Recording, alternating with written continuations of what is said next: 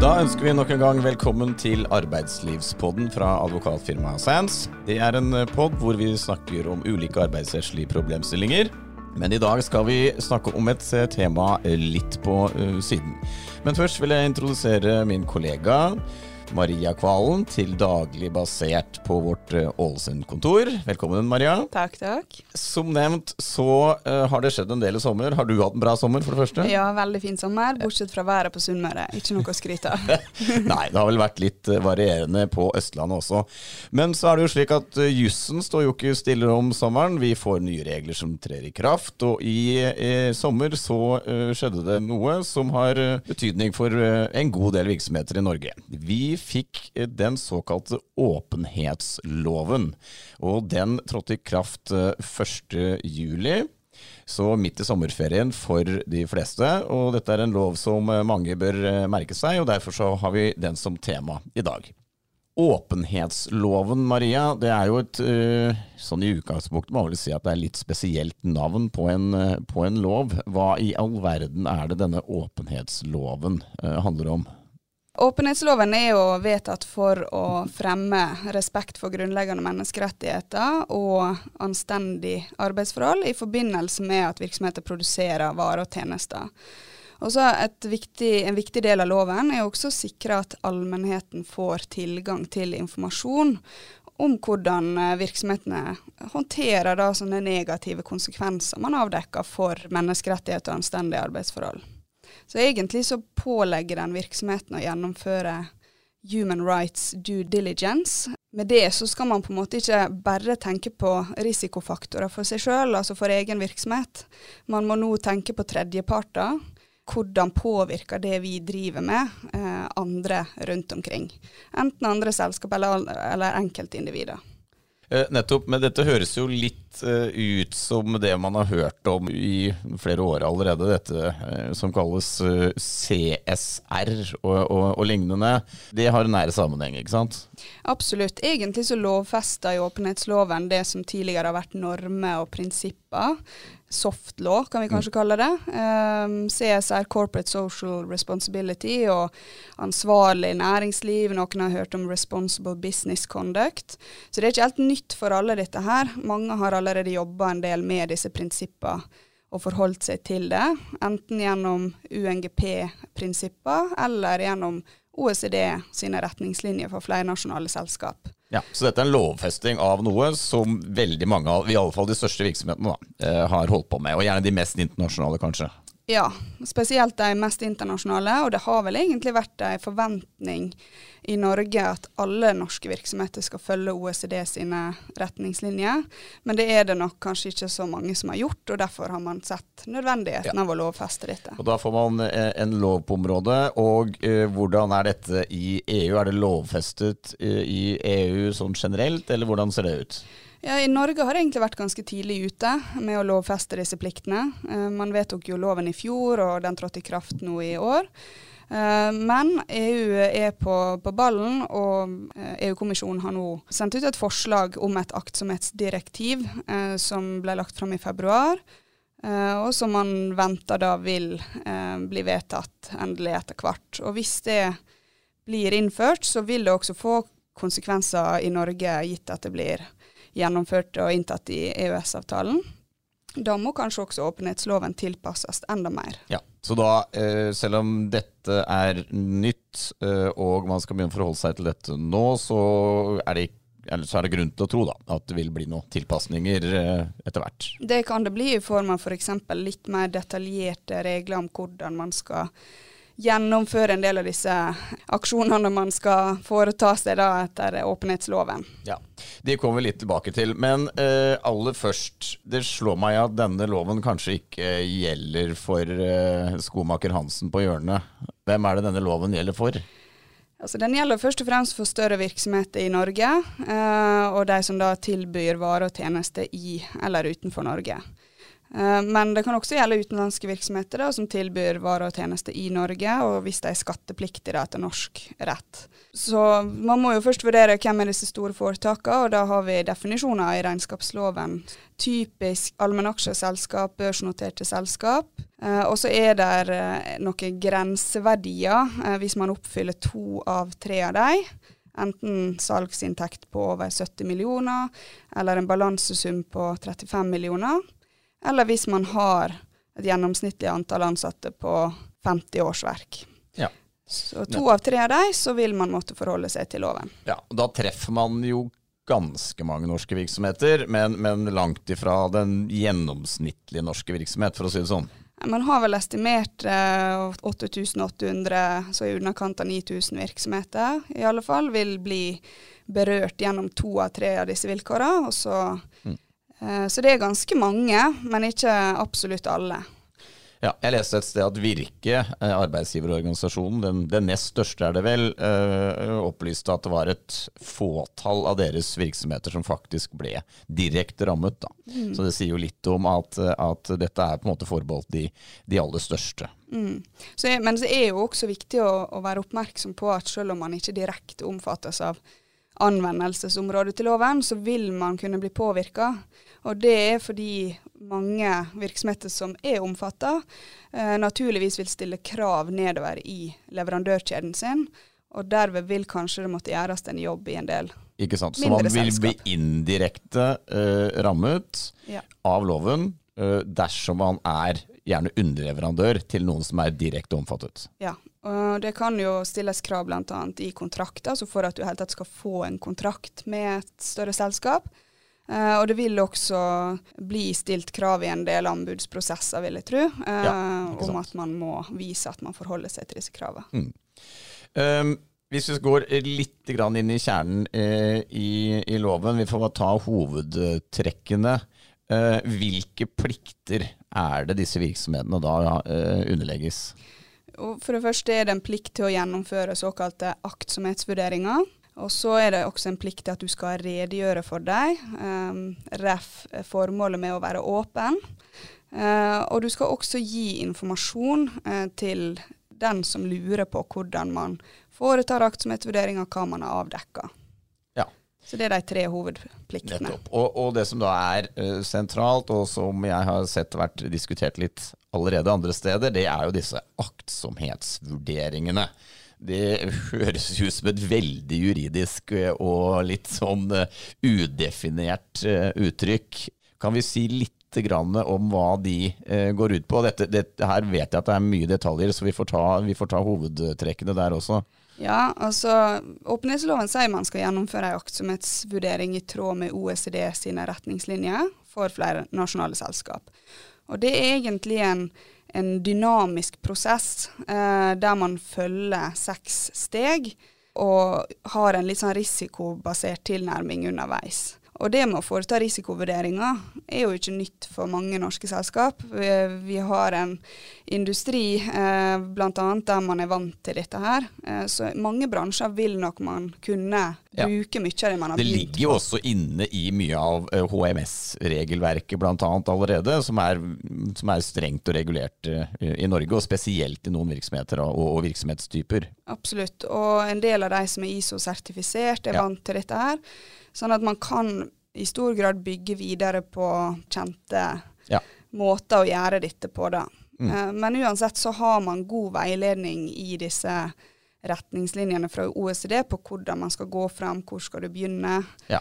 eh, Men det er bare retningslinjer som, måte altså, som er kjent og, og, og, og som du sier eh, gjelder i OECD-regi. I loven direkte så står det vel ikke så mye. Nei, det står ikke så mye om hvordan du skal gjøre det, Nei. bare i tråd med de retningslinjene. Uh, så, så det er lurt å søke litt veiledning der, Ja. uh, absolutt. Og prøve å tilpasse dette etter beste evne til Mm. sin egen virksomhet. Da. Ja, og da kan man, som du sier, da, bruke nær sagt noe av det man har allerede. Mm. Ja. Er det mer vi skal si sånn detaljert om selve aktsomhetsvurderingen? Ja, altså jeg kan i hvert fall si at Det første steget sant, det er jo dette med forankring. og Det tror jeg er ganske viktig for at man skal få hele åpenhetsloven og de kravene og pliktene som stilles der, litt under huden. Eh, det må forankres godt i virksomheten. Eh, både i retningslinjer, i styrende system, og det må starte gjerne på toppen. Det må starte i styret eh, og med øverste ledelse, og man må sørge for en ansvarsfordeling. Eh, hvem er det som skal ha ansvar for dette, og ta seg av både de informasjonskravene som kommer, skrive redegjørelser, passe på at eh, man til enhver tid oppfyller pliktene. da. Mm. Um, og så En stor del av det vil jo også være kommunikasjon med sine egne leverandører oppstille kriterier kanskje for partnerskap, samarbeid og innkjøp f.eks. Ja. Uh, oppdatere kontraktsvilkårene sine. Mange vil nok uh, lage supplier conduct hvis man ikke har det. Uh, så forankring er, er, et viktig sted å begynne. Jeg ser poenget med at dette må forankres, men det kan jo ikke være det hele. Det går jo videre. Ja, hvor går man videre? Nei, så er det jo en kartleggingsprosess og selve den risikovurderinga man skal foreta. Du har en plikt til å kartlegge og vurdere de faktiske potensielle negative konsekvensene for grunnleggende menneskerettigheter og anstendige arbeidsforhold. Og Det er da både som virksomheten har forårsaka sjøl, eller som man har bidratt til, eller som er direkte knytta til den virksomheten man, man driver. Uh, så da må man på en måte starte med litt overordna bilde. Hvor er leverandørkjeden vår, hvor langt går den? Og man skal jo faktisk gå helt til, til starten. Det kan være ganske komplisert. Jeg har snakka med enkelte større konsern som har virksomhet i hele verden, og um, det er snakk om flere titalls tusen underleverandører. Så det er klart det kan virke ganske omfattende. Men du må jo starte et sted mm. uh, og gjøre den kartleggingsprosessen. Så er det viktig å se da hvor har vi virksomhet i hvilke land. Hva er de typiske risikofaktorene i disse landene for menneskerettigheter og arbeidsforhold? Ja. Og, og, der er det jo klart at det er jo en del ting som kommer ganske raskt til hodet da. ikke sant? Det er jo da lønns- og arbeidsvilkår generelt, men også øh, barnearbeid. ikke sant? For det, for det definitivt er en, en risiko for i enkelte, enkelte land i verden. Det er det absolutt, og det har vi jo sett i media tidligere allerede. Telenor-skandalen f.eks. Ja. Um, og, og, vi ser hva det gjør med omdømmet for selskapene når de mm. ikke har kontroll på hva som skjer ute i verden. Mm. Um, og ja, absolutt skadelig, og det er sånne ting man må kartlegge. Men det, det er jo klart at dette er jo ekstremt utfordrende, høres det ut som. da, fordi dette innebærer jo i realiteten at man skal ha kontroll helt fra råvaren, for å si det sånn. Eller ta f.eks. bomull, da, eh, til genseren henger i butikken eh, på Karl Johan i Oslo. Absolutt. Og du må da se på de som plukker bom, bomull på plantasjene. Ja. Hvordan er arbeidsforholdene deres? Ja, Blir eh, de grunnleggende menneskerettighetene ivaretatt? Så må du følge den bomullen helt fram til den henger på, i form av ei T-skjorte i butikken. Ja, ikke sant. Mm. Men Maria, dette høres jo veldig omfattende ut. Har du noe tanke om hvordan man kan forenkle dette? Ja, altså, man må jo prioritere, det er det første. Um, man Forbrukertilsynet som er tilsynsmyndighet her forventer jo ikke at man skal ha kontroll på alt Nei. med en gang. Uh, så prioriterer selvfølgelig det, det, viktigste, det som gir mest risiko. Uh, og så er det jo en tanke, da. Er det noe man kan samarbeide om her? Uh, skal du for en gangs skyld snakke med en konkurrent, uh, du vet man har samme leverandør et eller annet sted i kjeden, gå litt sammen om disse risikokartleggingene. det kan funke. Det er også berørt i veilederen til OECD at det er noe man kan tenke på. Mm. Dele litt kunnskap og utnytte ressursene bedre. Og Det kan faktisk også gi større påvirkningsmulighet, for litt av formålet her er jo at man skal søke å endre eh, holdningene rundt omkring i verden. Eh, og det er kanskje enklere når man står sammen om det. Ja. Eh, men man skal være obs på konkurranselovgivninga her. Eh, så pass litt på det hvis man tenker å samarbeide i mm. disse prosessene. Når det gjelder denne redegjørelsen som skal gis, for nå har vi snakket om kartleggingen, men man skal også redegjøre for den kartleggingen man har gjort. Uh, kan du si litt kort om hvilke krav stilles da? Jo, første frist for redegjørelsen er jo 30.6 neste år, uh, så det er ikke noe som haster umiddelbart. Derfor er det ikke så mange som bruker så masse tid på det i disse dager heller. Uh, men det innebærer kort fortalt at man skal offentliggjøre en redegjørelse for de aktsomhetsvurderingene man har foretatt uh, hvert år, eller hvis man avdekker store endringer, f.eks. Mm. Så nevnte du før vi gikk inn på uh, kartlegging og redegjørelse en tredje forpliktelse, og det er forpliktelsen til å gi informasjon utad. Ikke sant? For det går jo da i kjernen på dette med åpenhet. Uh, det skal være mulig å få innsikt i uh, virksomheten, virksomhetens drift, leverandørkjede osv. Hvem er det som nær sagt har krav på denne informasjonen? Jo, det er alle og enhver. Eh, loven sier at enhver har rett på den type informasjon. Så det innebærer i prinsippet at både journalister, konkurrenter, eh, det kan være ansatte, særlig tillitsvalgte kanskje, eh, vil kunne sende et eh, skriftlig krav om informasjon da, om hvordan man jobber med dette, og hva man har avdekka. Mm. Eh, så, og som hovedregel, klar hovedregel, så må man besvare disse henvendelsene eh, på en dekkende og forståelig måte. Mm.